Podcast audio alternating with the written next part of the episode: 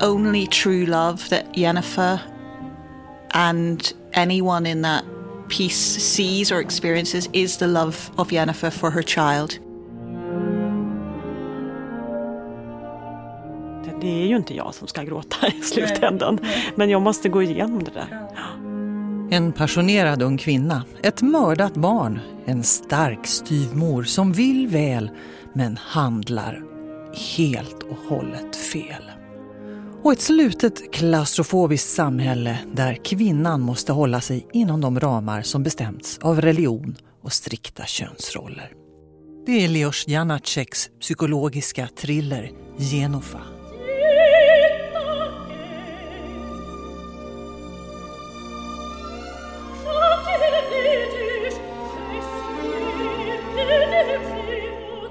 Det här är Kungliga Operans podd om Genufa. Vi ska träffa några av sångarna och höra regissören och kostymtecknaren berätta vad det är som gör den här operan till ett av 1900-talets stora mästerverk. En opera som berör alla som tar del av den. I think it's because it's a completely unpretentious, very true, psychological, acute look at what happens to a woman who finds herself in one of the most horrific circumstances you can imagine the death of her child, a baby, and how through her intelligence and her open heartedness, uh, she manages to find meaning in that terrible tragedy. Ja, nog är de röriga förhållandena i Leos Janaceks opera. Alla är släkt med alla och det är snudd på melodram när den lilla barnkroppen flyter i land samma dag som Genofa ska gifta sig med fel man.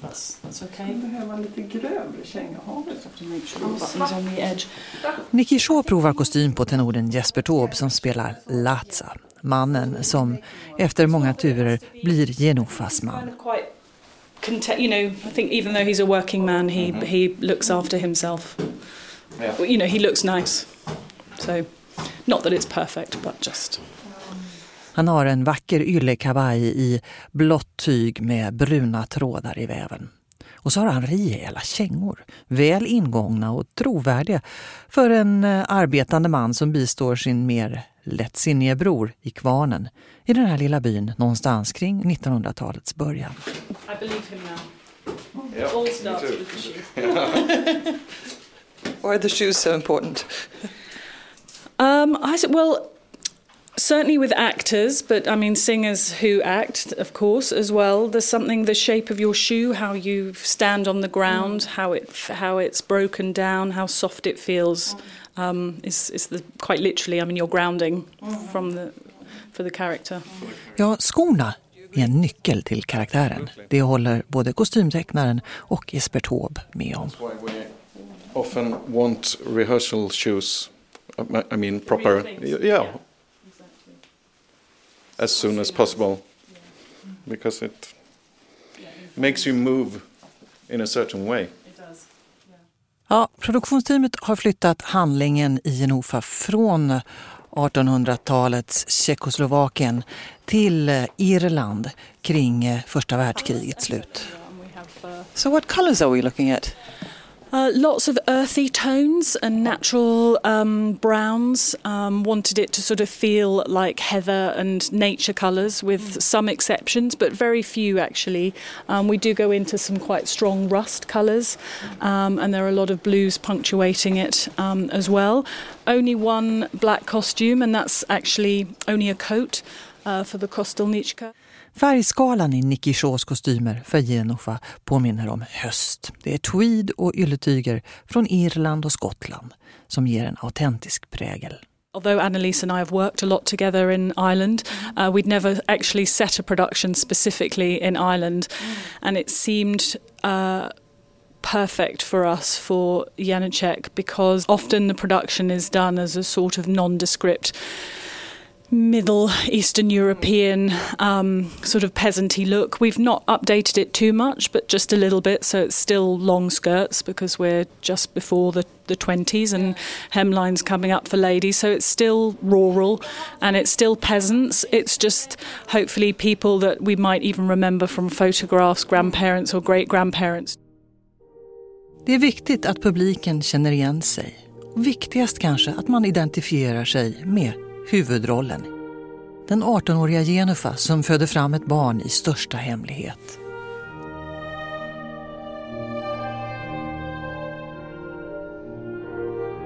Kostymtecknaren Nicky Shaw Um, Jennifer is in um, lovely brown tones, uh, beautiful uh, linen. That uh, it is actually an Irish linen because many linens are made there. Mm. Um, so this was one that I found in London. This lovely deep chocolate brown with a cream stripe, mm. strong on on stage, and still uh, the design a little bit young in a way. It's ambiguous how young she is, but probably. Do we know how old she is? She's probably 18, 19. And of course, absolutely in a community in a time where you do not um, lose your virginity, you wait till you're married. Um, and this is Jennifer's dilemma because she and Steva have made love and there's a baby on the way and she needs to marry him quick. Is this a dress that would fit a baby sort of coming? Well, it shouldn't do, but it can do. Um, she can it can hide it, shall we say? At this point, we only Jennifer knows. I guess we're only in the first few weeks, um, so nothing would be showing just yet. But she can probably hide it for two, three months, and then she's going to be in trouble.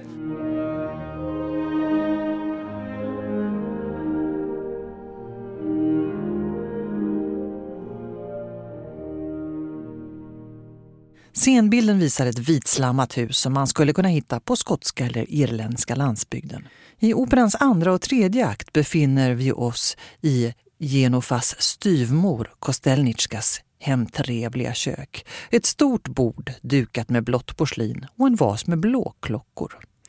På väggen hänger en uppsättning rejäla grytor och pannor till matlagning.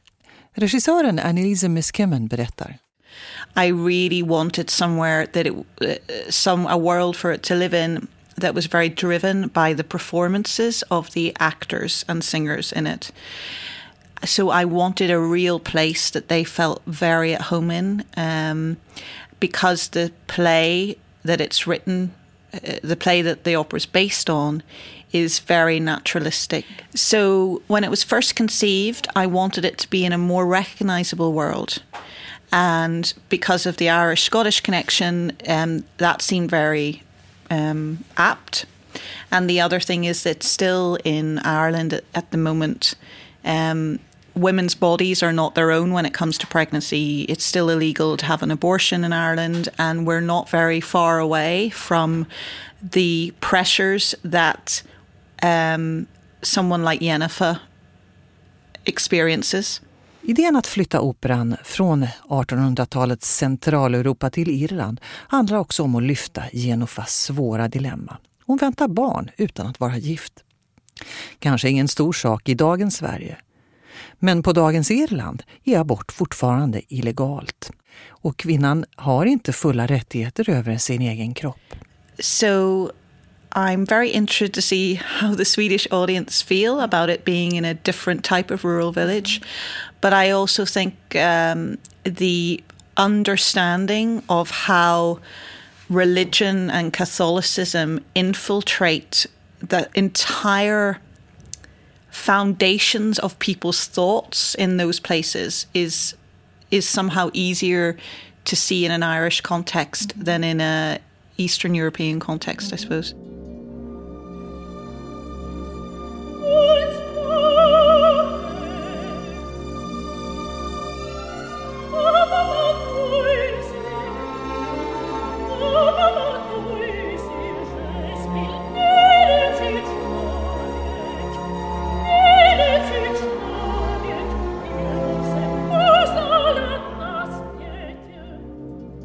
För Malin Byström som spelar Genofa är varje repetitionspass känslomässigt tungt.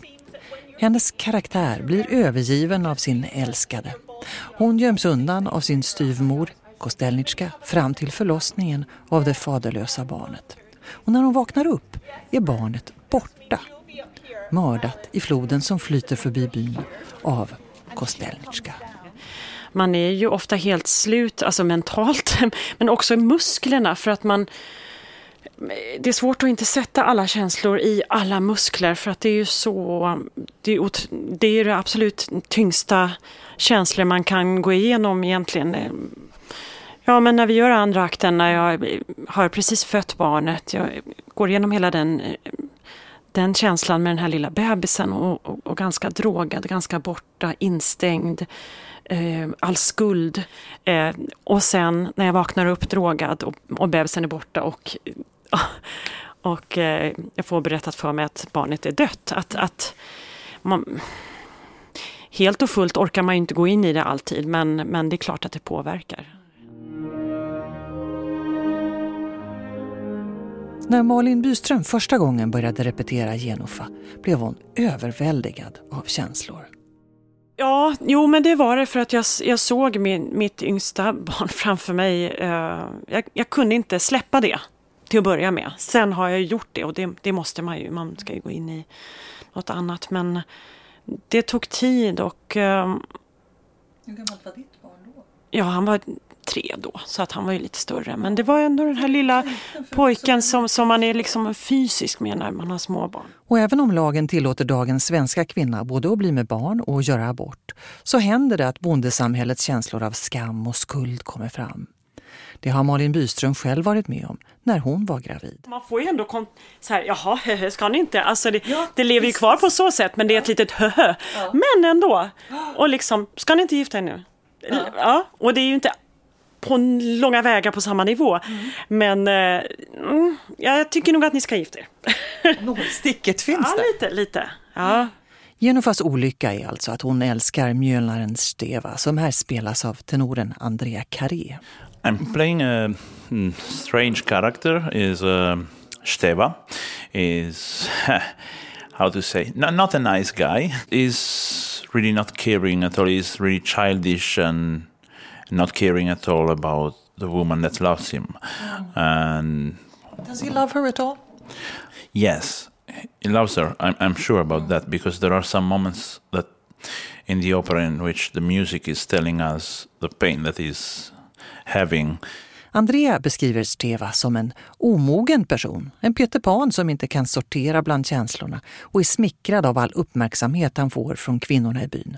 Han vill njuta av livet och av sin makt, helt enkelt. So is this kind of not grown up man Peter Pan? But Have you played a character like him before?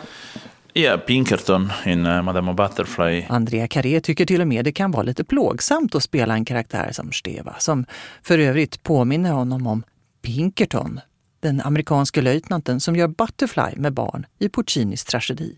When I sang Pinkerton, they were really angry uh, with me, at me, yes, so uh, they were mad.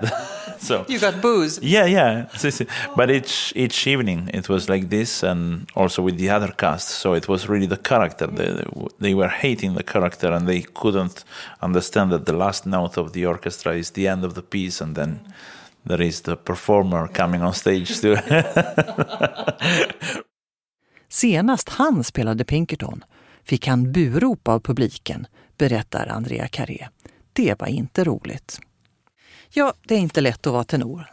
Genofas halvbror Latsa är så besatt av att försöka väcka henne och få henne att se att hon älskar fel man, att han gör henne illa. Kärleken är inte besvarad kan man väl säga, utan hon är mera förtjust i den eh, mera utåtriktade Steva. Så du går pjäsen igenom och trånar efter henne. Och vad får du för det? Eh, ja, om man hoppar ända till slutet så får jag ju på sätt och vis eh, henne. Eh, tack vare de eh, brutala handlingar som jag utsätter henne för. Men, ehm, Men innan dess? Ja, innan dess så har jag eh, lite svårt att komma, komma till skott kan man väl säga. Men det är också för att jag väldigt tydligt ser att hon inte är intresserad och redan har något slags förhållande med då Steva som också är en del av familjen vilket gör det väldigt eh, komplicerat och jobbigt. Du är inte så snäll mot henne heller. Nej, eh, det är jag ju verkligen inte. Men jag kommer väl till en punkt där jag så desperat gör en slags vansinneshandling förstås. När Nicky Shaw provar kostym på Jesper Taubes Latza så hittar de en fodrad ficka i hans kavaj. That may have been the blood. I think that he had the blood. there we go. Där har en blodampull legat vid den tidigare uppsättningen av Jennifer på Scottish Opera. Well, it's because I thought Jennifer had it, but actually, I don't think she has any pockets. So maybe he has to. He has This to is when he cuts her. Yes. Yeah. Yes. Because So we have we're trying a blood knife this time, but mm. actually, for it to really be a lot of blood, you need a blood capsule. Ah. And they're always dangerous. You have to. I mean, you don't want them to burst too soon. So, and be in the wrong place, and suddenly, oh my God, she's bleeding. Why? but there we go. The secret blood pocket. The secret blood pocket. Jesper Taube förklarar Latzas desperata kärlekshandling när han skär Genofa med en kniv i ansiktet. Ja, det är inte bara det att jag vill förklara för henne att jag älskar henne, men jag försöker ju samtidigt också förklara för henne att du kan ju inte älska Steva, min styvbror. Han är ju inte klok. Han är ju bara ute och flörtar med alla tjejer. Du vill tala henne till rätta fast det blir lite fel. Ja, det, så kan man väl säga ungefär. Regissören Annelise Miskimen ser inte karaktärerna i Genofa som onda eller goda. De är mänskliga med alla sina brister. He's painted two very different tenor roles, and both of them are incredibly flawed. So you've got a very charming, attractive drunkard, Stava, and then you've got a kind of dysfunctional, um, unhappy, uh, desperately in love but unable to do anything healthy about it character in Lat- called Latsa. and all of these um, roles when in every every singer I know who plays these roles comes into work every day just completely enriched by the the joy of playing a complicated real person. And I think Janacek was very unafraid of looking at what life was like and looking how complicated people were in life and putting them on stage.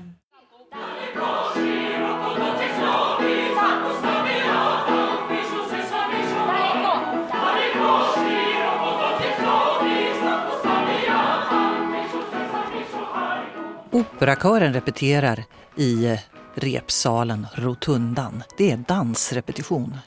Leos Janaceks folkdanser har fått ett stänk av skotsk square dance istället i Annelies Miskemens regikoncept.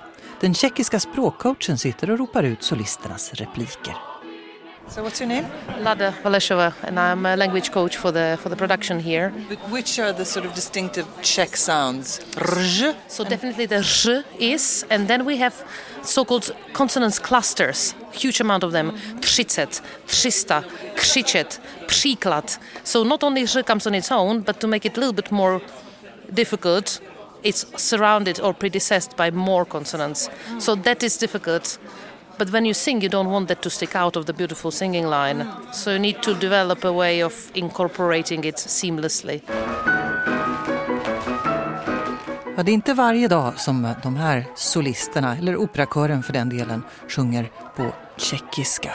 Och alla de här konsonantklustren som språkcoachen beskriver, de ställer sig förstås i vägen för den vokala linjen. Men när man väl har lyckats knäcka den nöten, ja, då är det ett underbart sångspråk.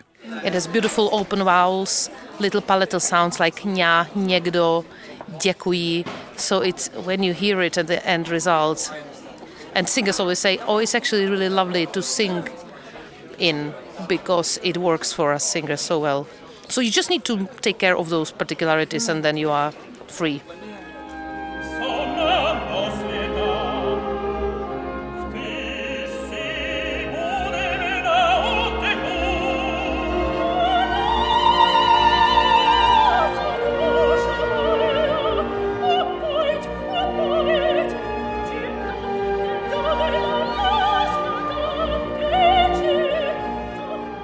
Janaceks opera Realism utgår från språkmelodin. He takes the word and from that he grows the music. For him the word is the shape, is the nucleus, is the seed. And from the shape of the word, from the sh shape of the sentence, then the phrase flows. Och han var besatt, säger hon, av att notera varje ljud. Flugans surrande, åskmullret. Till och med när hans dotter låg på dödsbädden skrev han ner hennes rosslingar i musikalisk form. He was obsessed with taking little notes of people speak, speaking little words, even thunderstorm ones or the fly in the room. He would notate all that. Even the dying sighs of his daughter, he would put to music. He couldn't stop even then. And Yenufa is dedicated to her memory. And that was probably one of the biggest traumas of his life when Olga died. Her last words, last semi conscious things she would utter, even the last sigh, and it's underneath is written Olga's last sigh. So he was obsessed with the shape of the words and the sounds. Dirigenten Lawrence Renays menar att Janaceks musik är som livet, rå och opolerad. He wants to make no compromises when it comes to writing down what he hears in his head. He doesn't want to translate that to to something beautiful or whatever. It, it, it has to be exactly like that. It's unpolished, completely unpolished, and whatever you do, it has to be as close as possible to real life. And, and so it's, it's raw, uncut, unscripted, un, that's how I would describe it. Ja, vill man förstå varför Genofa är en sån känslomässig knockout så är det alltså därför att Leos Janacek, tonsättarens egen privata smärta, är invävd i tonspråket. Och hans stora trauma var att han förlorade sin 18-åriga dotter Olga mitt under arbetet med Genofa. Operan är tillägnad henne. Regissören Annelise Miskimen har inte svårt att se kopplingen mellan det döda barnet och tonsättarens egen avlidna dotter. He has taken his personal tragedy and made something creative out of it and made it for for his dead daughter and that's he obviously felt incredibly close to her and felt you really feel her in the final scenes the final scene whenever um, it's one of the most beautiful scenes in opera where Yennefer is persuaded by Latza not to not to leave and to stay with him and to build a life together. And you see these two incredibly flawed people who've done horrible things to them, especially Latza has scarred Yennefer for life, of course. And I think that's really what life's about, you know. It's not about big romances and well some, for some people it is but actually for a lot of people it's about how love survives in tough times. Nej, regissören ser inte Genofa som en tragedi. Den handlar om hur kärleken överlever och trotsar de allra svåraste omständigheter. Och drama och musik, säger dirigenten Lawrence Renays, är ett i Genofa. And everybody feels it's a masterpiece. Mm. And what is so fantastic is that it that the emotions are also raw, and and and an audience will feel that just like just as we feel it in the orchestra, in the chorus, in the soloists, everybody. It it grabs you, uh, and it's. I mean, to me, this is what life what life is. It's not embellished.